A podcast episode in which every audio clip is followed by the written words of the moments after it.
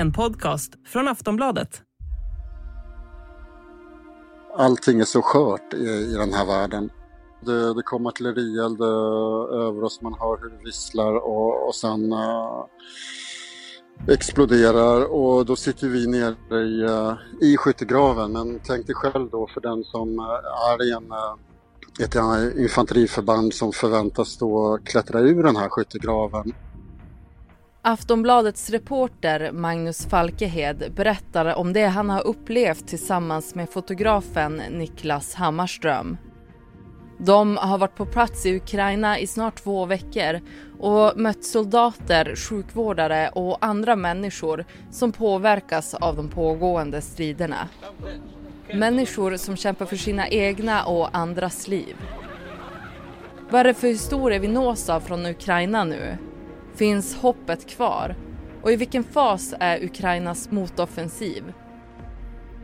Det ska vi prata om i dagens Aftonbladet Daily. Jag heter Ellen Lundström. Och dagens gäst är Magnus Falkehed, Aftonbladets reporter som befinner sig i Ukraina. Just nu är vi i Kramatorsk som är den stora staden i Donbass här. Eh, vi har kommit tillbaka och fått i oss lite lunch efter att ha varit ute vid eh, fronten uh, runt Bachmut på morgonen. Där vi var nere i en uh, skyttegrav med, där vi tillbringade morgonen och förmiddagen tillsammans med några ukrainska soldater för, för ett kommande reportage. Kan du beskriva hur det var på plats där? Uh, ja, det är ett, man ska ta sig dit till, till början och då går det genom uh, eh, sådana här landskap som för tankarna till första världskriget uh, med uh, ja, några döda träd, ett riktigt apokalyptiskt landskap, militärfordon som kör som dårar för att undvika eld från ryssarna och så, så och sen komma fram, uh, springa ner i en uh, skyttegrav som är ungefär, eh, uh, de ser ut här, den är ungefär en halv meter djupa, sen ser det ytterligare kanske en halv meter med sandsäckar och tak ovanpå, eh, fuktig jord inuti.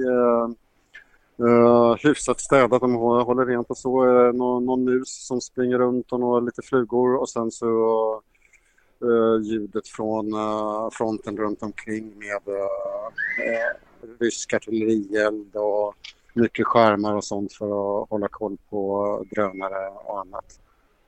Varför människor som krigar vid fronten och kan du beskriva hur deras liv ser ut där? Alltså, de människor som krigar vid fronten, uh, soldaterna, det är som journalist så känner jag mig ibland nästan generad att använda ordet soldat för dem eller krigare för i den här Ukraina, eller i den här konflikten så är ju de som är vanliga soldater, det är ju vanliga människor mer än att vara soldater. Det är folk som, som du och jag som uh, för ett drygt år sedan hade sina vanliga liv med familj, eh, skola, utbildning eh, och som rycktes, rycktes ifrån det sen och nu är ute och måste döda eller dödas. Det, så, ja, jag måste erkänna, jag känner mig inte helt bekväm med ordet soldat men det finns inget bättre för att uh, definiera det. Du har bland annat träffat Vova. Hur var mötet med han? Det är ju en vårdkedja här där de får ut soldater som skadas vid den yttersta fronten. Först är det en, uh, någon av deras kollegor som bara släpar ifrån dem ut i den första faran. Och sen så finns det förhoppningsvis en uh, medic, en uh, sjukskötare där ute som kan stoppa den värsta blödningen, kanske lägga på ett snörande förband eller så och sen forsla han bakåt i eh, någon bil dit, eh, dit vi stod. Och han såg ju väldigt tagen ut och medtagen och väldigt blek och så. Hade fått uh, splitter och is i båda armarna men han hade i alla fall överlevt och såg väl, var väl medveten om det för just den här morgonen så var det inte fallet för alla hans kamrater. Det, det fanns ett par stycken som även kom i, fick läggas i liksäckar där så eh, eh, uh, Bachmut-fronten är ju tillsammans nu med fronten söder om Zaporizjzja enligt eh, Ukrain, ukrainska myndigheter och brittiska bedömare där de fronterna där det är som allra svårast just nu för båda sidor egentligen. Och du har ju också träffat sjukvårdare och tillbringat timmar med dem. Hur var det att vara kring dem och deras arbete? Ja, det, det är inte första gången vi träffar sjukvårdare här nere och de, eh, de är ju extremt professionella och medmänskliga. Tyvärr liknar ju de flesta skadorna de fått ta hand om varandra väldigt mycket. Det är väldigt mycket och har varit under det här året väldigt mycket splitterskador, skador av eh, tryckvåg och så. Det är ju sådana enorma krafter som släpps lös med de här artillerielden och bomberna som ryssarna öser över dem. Så det skakar om hela kroppen, det sliter sönder organ, det ger hjärnskakningar och så. Men de tar hand om det bra och, det, och samtidigt som det är även de vanliga människor som är extremt fokuserade när de arbetar och sen sitter de där och, och skrattar och surfar på telefonen och, och retas med varandra och som, som de ofta väldigt unga människor de är. De flesta är ju 22-24 år gamla och, och så har de kanske något befäl eller någon som är 28-30 men de, medelåldern är ju väldigt ung bland dem. Men de är extremt motiverade. Snart ska vi prata mer om hur situationen är i Ukraina och hur det går för deras motoffensiv. Vi är strax tillbaka.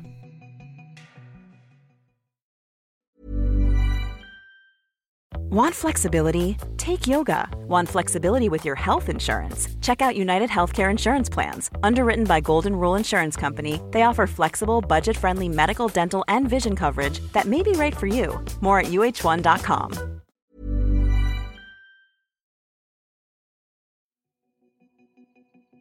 Du skrev i en text att, och jag tyckte det var väldigt starkt, att man ser priset av och svårigheten att gå till offensiv i ett skyttegravskrig. Kan du utveckla vad du menar med det?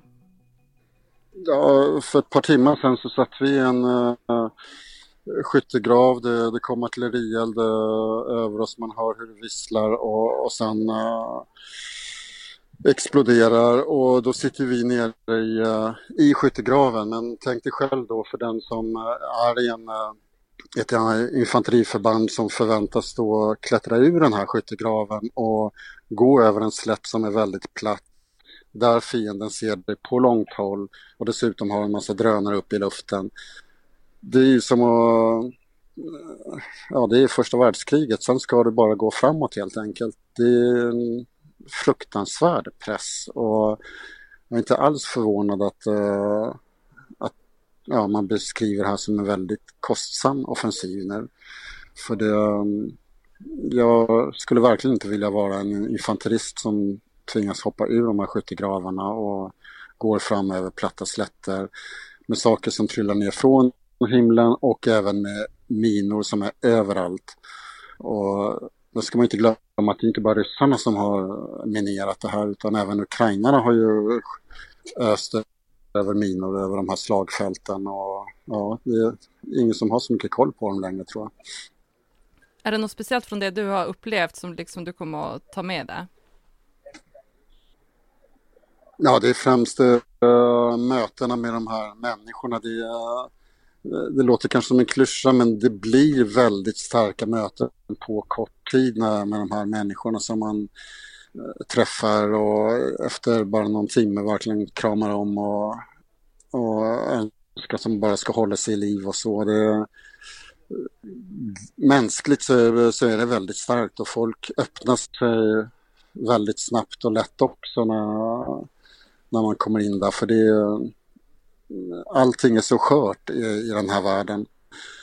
Så, eh, så det finns liksom inte utrymme för där framme för några, säga, varken stridspittar eller eh, skryt eller försöka vara någon annan än man är. Folk är väldigt genuina där framme. Okej, för du har ju då varit vid skyttegraven. Vad skulle du säga, vad finns det för hopp eh, bland människorna som du har träffat? Alltså, hopp finns det ju självklart, i annat fall skulle de inte vara där, men det, det finns en, en, form av resignation också i att de har ju inget val. Det, vill, de inte, vill de att det här landet ska bli fritt så måste de vara där, de måste riskera sina liv. Det är de smärtsamt medvetna om. Och även när man pratar om offensiver och, eller när kriget kan ta slut och så, så är det ofta frågor som de duckar för. Det, det är väldigt obekväma. De, de tar helt enkelt dag för dag oftast och, och får glada hålla sig vid liv eller få uppgiften utförd dag för dag. Så det, jag kan inte säga att folk håller på att jubla för nu kommer offensiven och nu har vi snart kört ut ryssen och sådana signaler har jag absolut inte mötts av utan det är mer av uh, tunga suckar och, ja, och sammanbit, sammanbitna käkar helt enkelt. Ja, det var ju den 10 juni som eh, Ukrainas president Zelensky gick ut med officiellt med att de hade börjat den här eh, motoffensiven. Hur har ukrainarna reagerat på det? Det är lite vänta och spänd väntan och se. Det är klart att alla hoppas att den här motoffensiven ska ge tillbaka dem vanliga liv och det så snart, snart som möjligt. Men eh, många har varit igenom så mycket och, och sitter fortfarande i situationer där de har så mycket och, och, ja, att bara överleva och tänka på. Så eh, ja, klart de står bakom men uh, jag skulle inte säga att det är någon, någon jubel att man tar ut någonting i förskott ännu. Det har kommit rapporter om att Ukraina har tagit sig sakta framåt i det som kan ses som den viktigaste och svåraste delen av fronten. Eh, hur skulle du säga att det går för den ukrainska sidan just nu?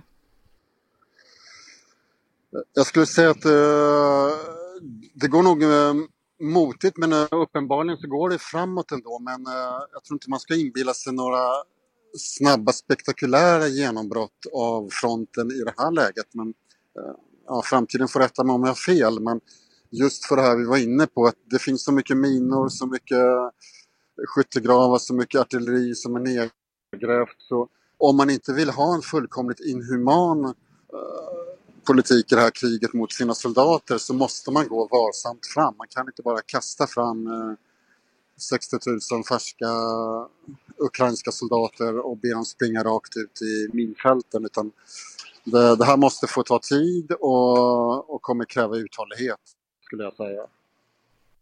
Ukrainas motoffensiv är igång, men nu under måndags förmiddagen så kom det uppgifter om att den har pausats. Och du som är på plats i Ukraina, vad har du hört om det här? Jag har faktiskt inte hört mycket alls om att uh, den här uh, offensiven skulle ha pausats. Det för att eh, vi har varit ute i fält och eh, inte fått någon information. Men överlag så skulle jag säga att eh, jag skulle ta det mesta av officiell information med både en och två nypor salt nu. Eh, vi kan ju minnas vid den förra offensiven där man eh, läckte ut eh, inom citationstecken uppgifter om att snart kommer den stora offensiven söderut och sen så kom den österut. Eh, det här är ett informationskrig också så det kan mycket väl stämma för det, går, det är faktum att det går trögt fram just nu. Men det kan mycket väl också bara vara rent informationskrig och att det istället kan något, att det brakar loss någonstans imorgon bitti eller ikväll. Och ni har ju varit där och träffat väldigt eh, många människor, du och Niklas Hammarström. Och ni har ju varit på plats tidigare i Ukraina också. Vad skulle du säga utmärker sig med den här gången? Ja, den här gången är att eh, kriget är så installerat, skulle jag säga. Det, det är svårt att lite svårt att beskriva men det är ju just kanske den här osäkerheten att ingen vet hur länge det här ska hålla på. Och alla skulle så gärna vilja veta men ingen vet.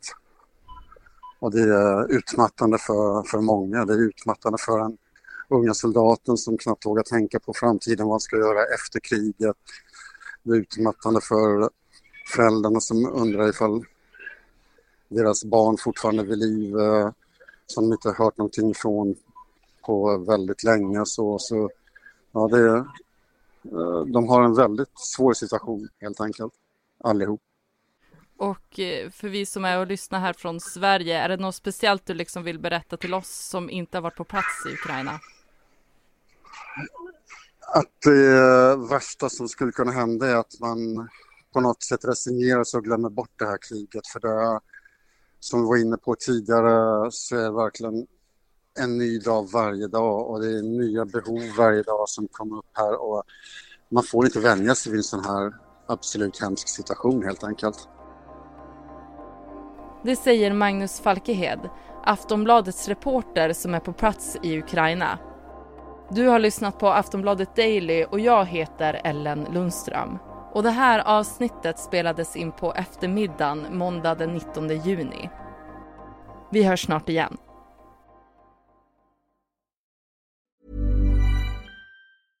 Finding your perfect home was hard, but thanks to Burrow, furnishing it has never been easier.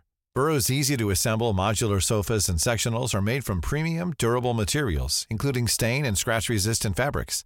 So they're not just comfortable and stylish, they're built to last. Plus, every single Burrow order ships free right to your door.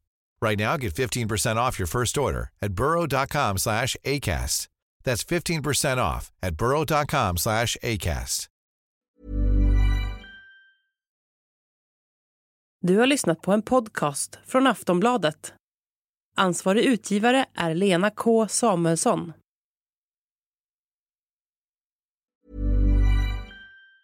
Tired of ads barging into your favorite news podcasts? Good news. Ad-free listening is available on Amazon Music. For all the music plus top podcasts included with your Prime membership. Stay up to date on everything newsworthy by downloading the Amazon Music app for free or go to amazon.com slash news ad free. That's amazon.com slash news ad free to catch up on the latest episodes without the ads.